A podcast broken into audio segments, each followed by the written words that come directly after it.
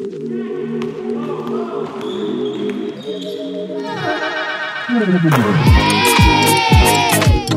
main cadangan, waktu main cadangan, waktu main cadangan. Podcast Pemain Cadangan. Kalau bisa jadi pemain cadangan, kenapa harus jadi pemain inti? Seperti biasa, selalu dimulai harus hey, menandakan semangat kita pada Yes. para pot, eh, apa pe- penggawa dari podcast pemain cadangan. Penggawa. Apa sih? Apa sih? Iya, pokoknya menunjukkan semangat kita untuk bisa Betul. menemani lagi cadanganers ngobrol-ngobrol tentang basket. Hari ini hari Senin Ya. ya, di mana kita tayang Senin, Rabu, Jumat dan Senin ini kenapa kita pengen bahas mengenai seri solo yang baru saja selesai. Iya betul sekali dan yang Iya. pasti eh, sebelum kita masuk ke tempat eh, eh, seri solo Iya. kita ngasih ucapan selamat dulu deh kepada tim cewek kita Oh iya. tim putri kita walaupun tidak mendapatkan eh, peringkat yang terbaik ya nomor satu di S- SWBL Iya. seri Singapura yang sangat pendek itu Betul. Itu Tapi- adalah menuju ke SEA Games ya. menuju ke SEA Games dibilangnya adalah Iya. pemanasan SEA Games gitu loh Betul. ya jadi eh, mendapatkan runner up Betul. posisi runner up dan yang pasti eh, ko- eh, tis- apa namanya desain jersey-nya paling oke loh Jadi kalau lo lebih fokusnya ke desain jersey ya. Iya, iya, iya, iya. Tapi Ya. bagus-bagus Ya, Tapi kan kesalahannya adalah kalah di pertama itu Gi. Sebenarnya di game pertama banget kalah. Kalah lawan Thailand. Iya. Tapi gini, Heeh. harus diakui dengan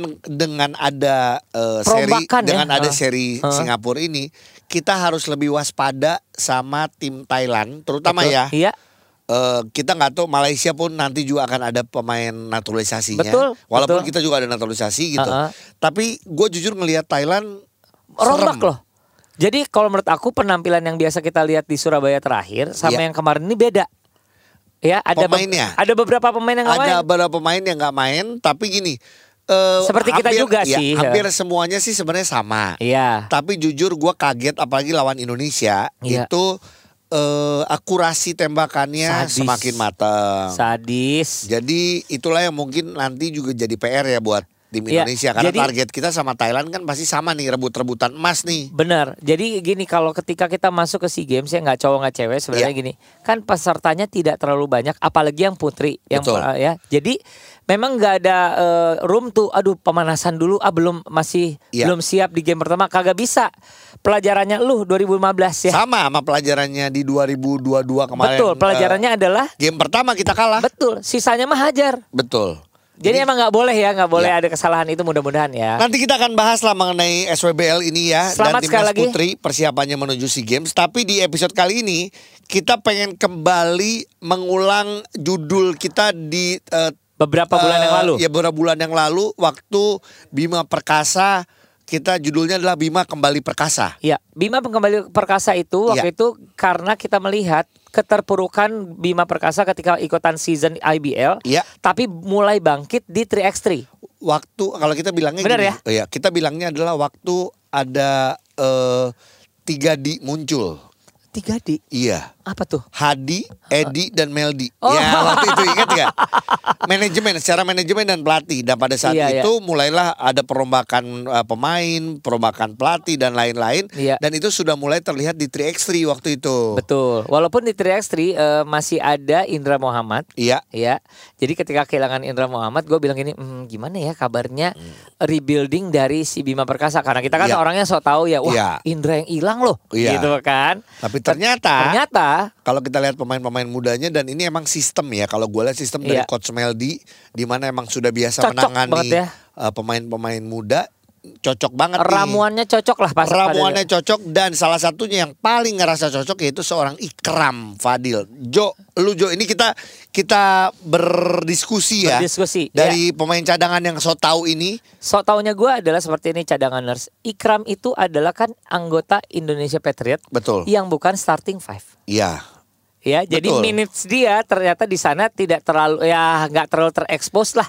Bener nggak? Ya kita ngomong apa adanya waktu di i- yang ke satu Pertama, ya. yang pertama, iya. Ikram Fadil itu pemain cadangan seperti kita Abis, di Patriots di ya. Patriots. Eh, eh. Di mana dulu eh, di eh, misalnya starting five-nya ada Yuda, ada Hmm. Arigi. Ya, ada Bagir. Bahkan kalau nggak salah Ada ya, ini Calvin boleh dan- dikoreksi adalah gini. Kehadiran seorang Dame waktu itu cukup Nyuri. menggeser Nyuri posisi. posisinya eh, Ikram gitu loh. Dan eh, ya kita itu itu waktu dua tahun lalu. Heeh. Tapi kita tahu Ikram punya talenta yang hebat. Kita tahu pemain asal Surabaya. eh terus juga banyak bahkan gini. Ini satu hal yang mungkin nanti kalau Ikram denger ya. Jadi ini salah satu obrolan gue sama Coach Brian Rosem sama waktu itu ada Itop waktu itu kita makan bareng. Oh, lu sempat ketemu. Ya. Oke. Terus Itop ngingetin coach, inget nggak Ikram katanya. Ikram kayaknya pernah latihan sama CLS ya kayaknya ya. Oh, gitu. Gitu. Eh, terus oh iya iya gue inget pemain itu karena Brian Rose suka sama pemain itu. Sama Tapi waktu Ikram. itu emang masih muda ya. Betul. Gitu. Oh dia inget, oh sekarang jadi bintang nih di eh, apa? Timnya. Di timnya nih di Uh-uh. IBL. Oh iya dia satu excited gitu. Gua nggak tahu sempat nonton atau enggak karena waktu itu Brian Rose sempat juga nonton pertandingan yang di yang di Solo kali ya. Surabaya. Eh, Eh, Surabaya ya. Surabaya rasanya deh. Surabaya. Nah itu eh buat gua ini inilah orang yang harus sabar, jangan pernah putus asa yaitu kita lihat Ikram Fadil. Ya. Tapi ini ini baru satu ya. Iya, kita yakin makin banyak, lebih banyak lagi ya. Iya, tapi kalau ngomongin soal Bima Perkasa Jogja, kita tahu emang di seri Solo dia dua kali kalah, kalah dari Pelita Jaya, mengawali dan akhirnya juga diakhiri juga kekalahan dari. Bali United Tapi sekarang masih ada di peringkat ke empat, peringkat keempat untuk IBL, empat kali kalah. betul. Ya, berapa kali menang? Sebelas Jadi kalau di sini salah. eh, memang gini, ada ada ada sama Gi Iya. ininya eh, ininya. Cuman perbedaan ini aja, perbedaan Oke. jumlah pertandingan Kita aja. paling, paling tidak di lima ya, kita- lima besar ya gue bacain ya. Iya. Kalau misalnya Pelita Jaya itu 15 game, 13 kali menang, dua kali kalah. Iya. Terus kemudian Dewa United 15 kali menang, eh 15 kali eh, bermain, 12 kali menang, tiga kali kalah. Iya. Satria Muda 14 kali bermain, 13 menang, satu kali kalah. Iya. Ya, sedangkan, sedangkan Bima Bima Perkasa- Perkasa 15 eh, kali main, Berarti 11 kali menang ya. 11 kali menang dan 4 kali kalah. Oke, nah itu. Cuman ini menandakan bahwa apa yang kita bicarakan, nggak cuman kita berdua, Iya, tapi ternyata banyak netizen, Uh, banyak cadangan ya. yang memperhatikan sejak kebangkitan di 3x3, Heeh. Emang ini terus nih, Trennya naik trennya ya, naik, positif terus ya. trennya naik secara eh, kekompakan tim pun juga buat gue eh, apa sangat padu. Padu, Plus bagaimana Coach Meldi eh, merotasi pemain-pemainnya.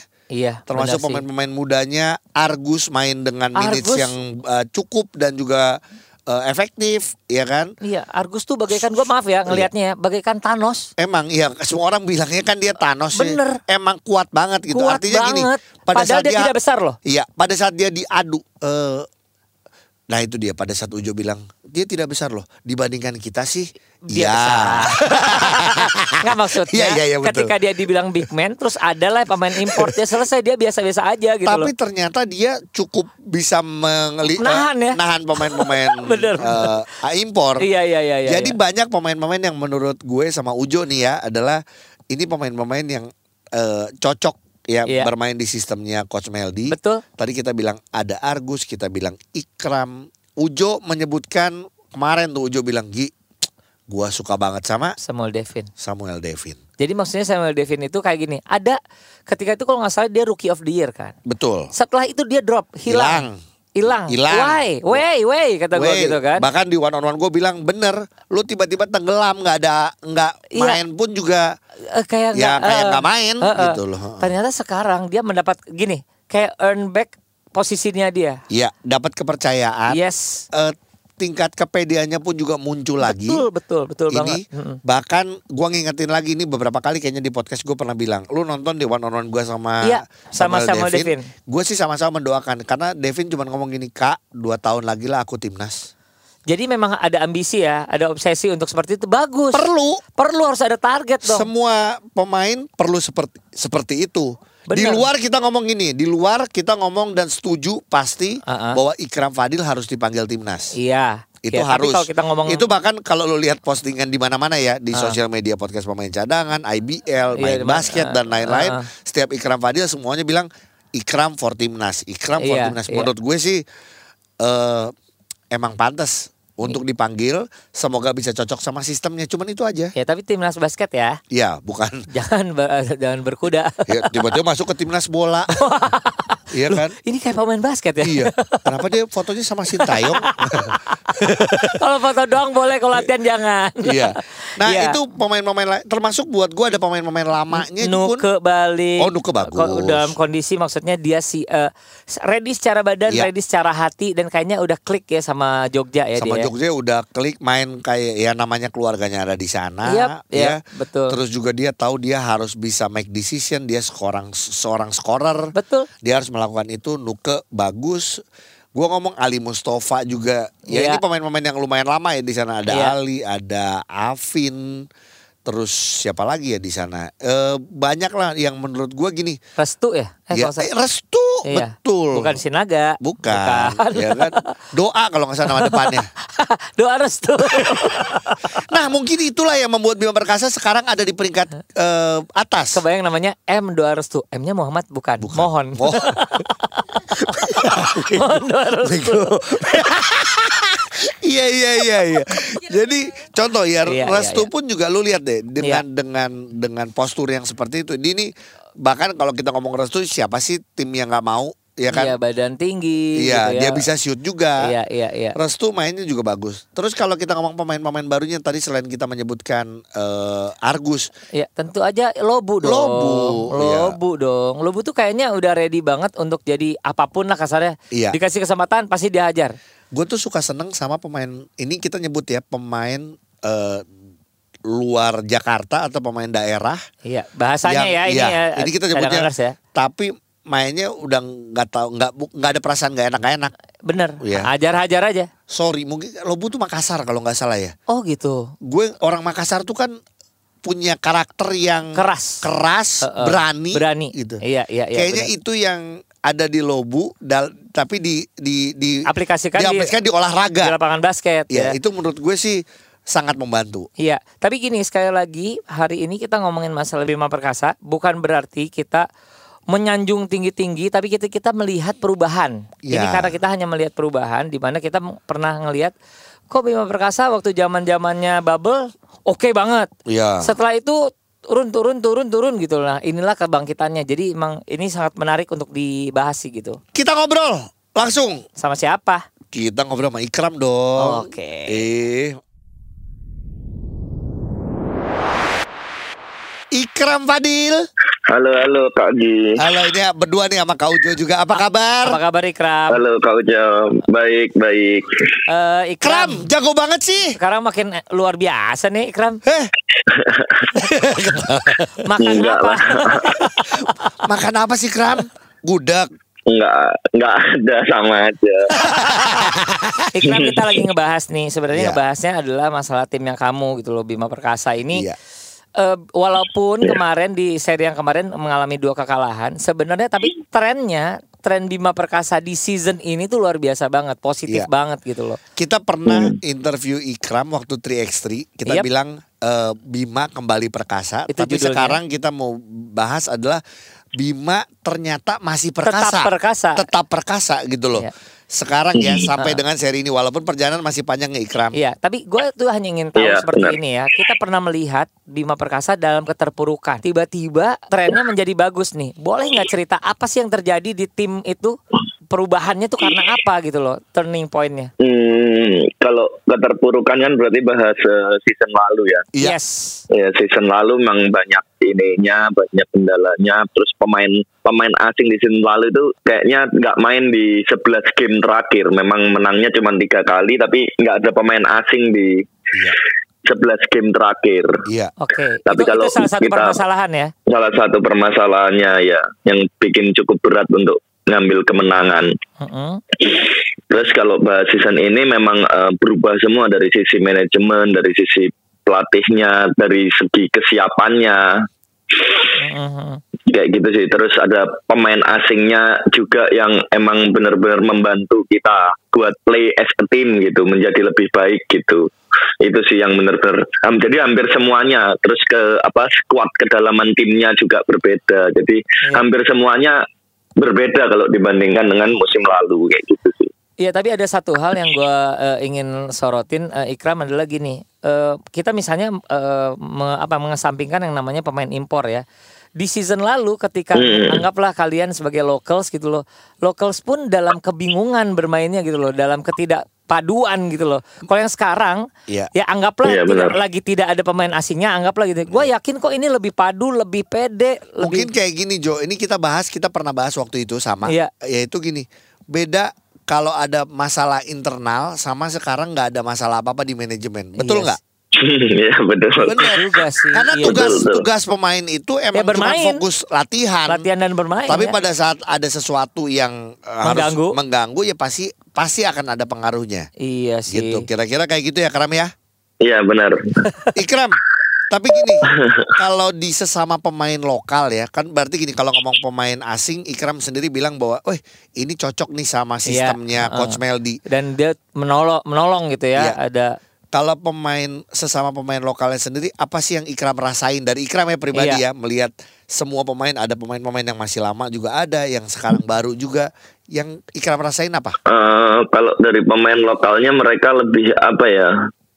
Lebih bisa menjalankan tugasnya ya. Itu sih dari coach Meldinya tadi memberi tugasnya, mereka bisa lebih menjalankan tugasnya. Jadi kayak jadi kayak lebih baik aja timnya lebih menyatu gitu. Jadi mainnya lebih enak, flow-nya lebih jalan kayak gitu sih. Dan pengaruh juga lebih percaya Karena- diri ya. Ya percaya dirinya juga. Gitu sih. Karena asingnya juga nggak nggak nggak bermain nggak mau main sendiri sendiri dia mau main tim juga itu yang enak yang bikin lokalnya juga mainnya lebih enak. Bener sih. Kalau pemain asing main sendiri itu pemain yang diasingkan aja lebih baik. Bukan pemain asing ya. Iya, iya. Kita asingkan aja.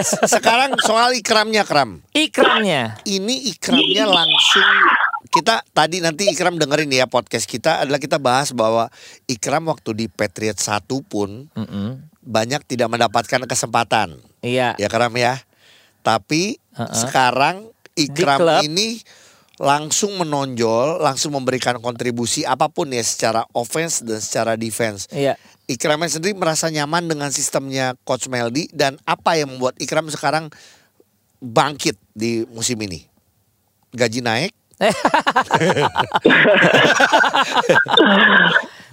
Eh, ya semua kan emang dari kalau dari yang bahas Patriot dulu emang itu perjalanannya aja ya itu perjalanannya.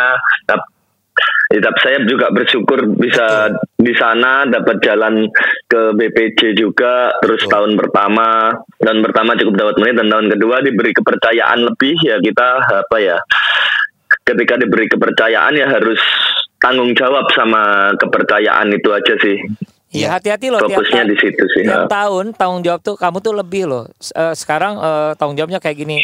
Tahun depan termasuk megang manajemen loh tanggung jawabnya. Jadi manajer. Tapi ya nggak berarti ini ya. Apa yang kira-kira cadangan nurse yang Ikram sampaikan adalah Ikram mengerti melewati perjalanan yang tidak mudah, tapi kamu tidak pernah putus asa dan kalau dikasih kesempatan, Hajar. kamu harus melakukan yang terbaik. Itu Iya. yang kamu lakuin ya. Heeh. Nah ini gimana eh, komentar Ikram dengan ber- berbagai eh, akun yang bilang Ikram for Timnas. Eh, amin aja itu aja sih. iya itu dulu ya, amin dulu ya. Karena kita Amin aja. karena kita pernah nanya juga ya, Ikram siapa ya timnas 3x3 waktu itu? Dia sih Amin. Heeh. Tapi kalau ngelihat mainnya ini di 5 on 5 bagus, Heeh. di 3x3 bagus. Siap. Sebenarnya yang pusing sebenarnya bukan Ikram. Pelatih atau Dan manajemen? timnas yang harus Timnas. pusing menaruh ti- Ikram di mana gitu Iya loh. sih. Kram sampaikan salam buat teman-teman semuanya. Iya. Sukses, semoga bisa terus bisa maintain. Kalau Iya. maintain ini kan susah ya. Maintain paling susah karena sementara ini Amin, amin. masih di peringkat 4 ya. Ya. Walaupun Iya. eh, secara skor masih sama sama Prawira dan satu lagi siapa aku lupa. Sip. Gitu. Ikram, terima kasih ya. Sukses terus Ikram dan BPJ. Thank you, thank you Kak Ugi, Kak Ujo. Oke, Dadah. bye. Bye. Cadanganers boleh setuju boleh enggak dengan pembicaraan kita hari ini, tapi kita bermaksud untuk meng-highlight perjalanan eh, tim yang pernah bagus tiba-tiba jatuh bisa naik lagi. Iya. Karena termasuk pemain. termasuk pemain. yang mungkin Yang tidak di- tim mana kita kita satu nggak nyebutin mau ma- em, baru baru mun- Keingetan. baru keingetannya di terakhir. Apa? Andre Adriano Andre Adriano. belajar dari seorang Andre Adriano, belajar dari seorang Ikram bagaimana Tidak, itu pokoknya dia anget seperti kita di ku- bangku cadangan waktu di Prawira. Heeh. Tapi jadi anget di tengah lapangan dengan tembakan-tembakannya di BPJ. Itu sih gila Ih, sih. Kayak gua banget. Bener-bener lu di pertandingan ini menang. Gua di alumni kan gua Top scorer. Enggak juga. Tapi kan medalinya sama Oh iya, dapat. iya, iya, iya. Kalau medali doang, cadangan juga bisa. Pemain cadangan. Kalau bisa jadi pemain cadangan, kenapa harus jadi pemain inti?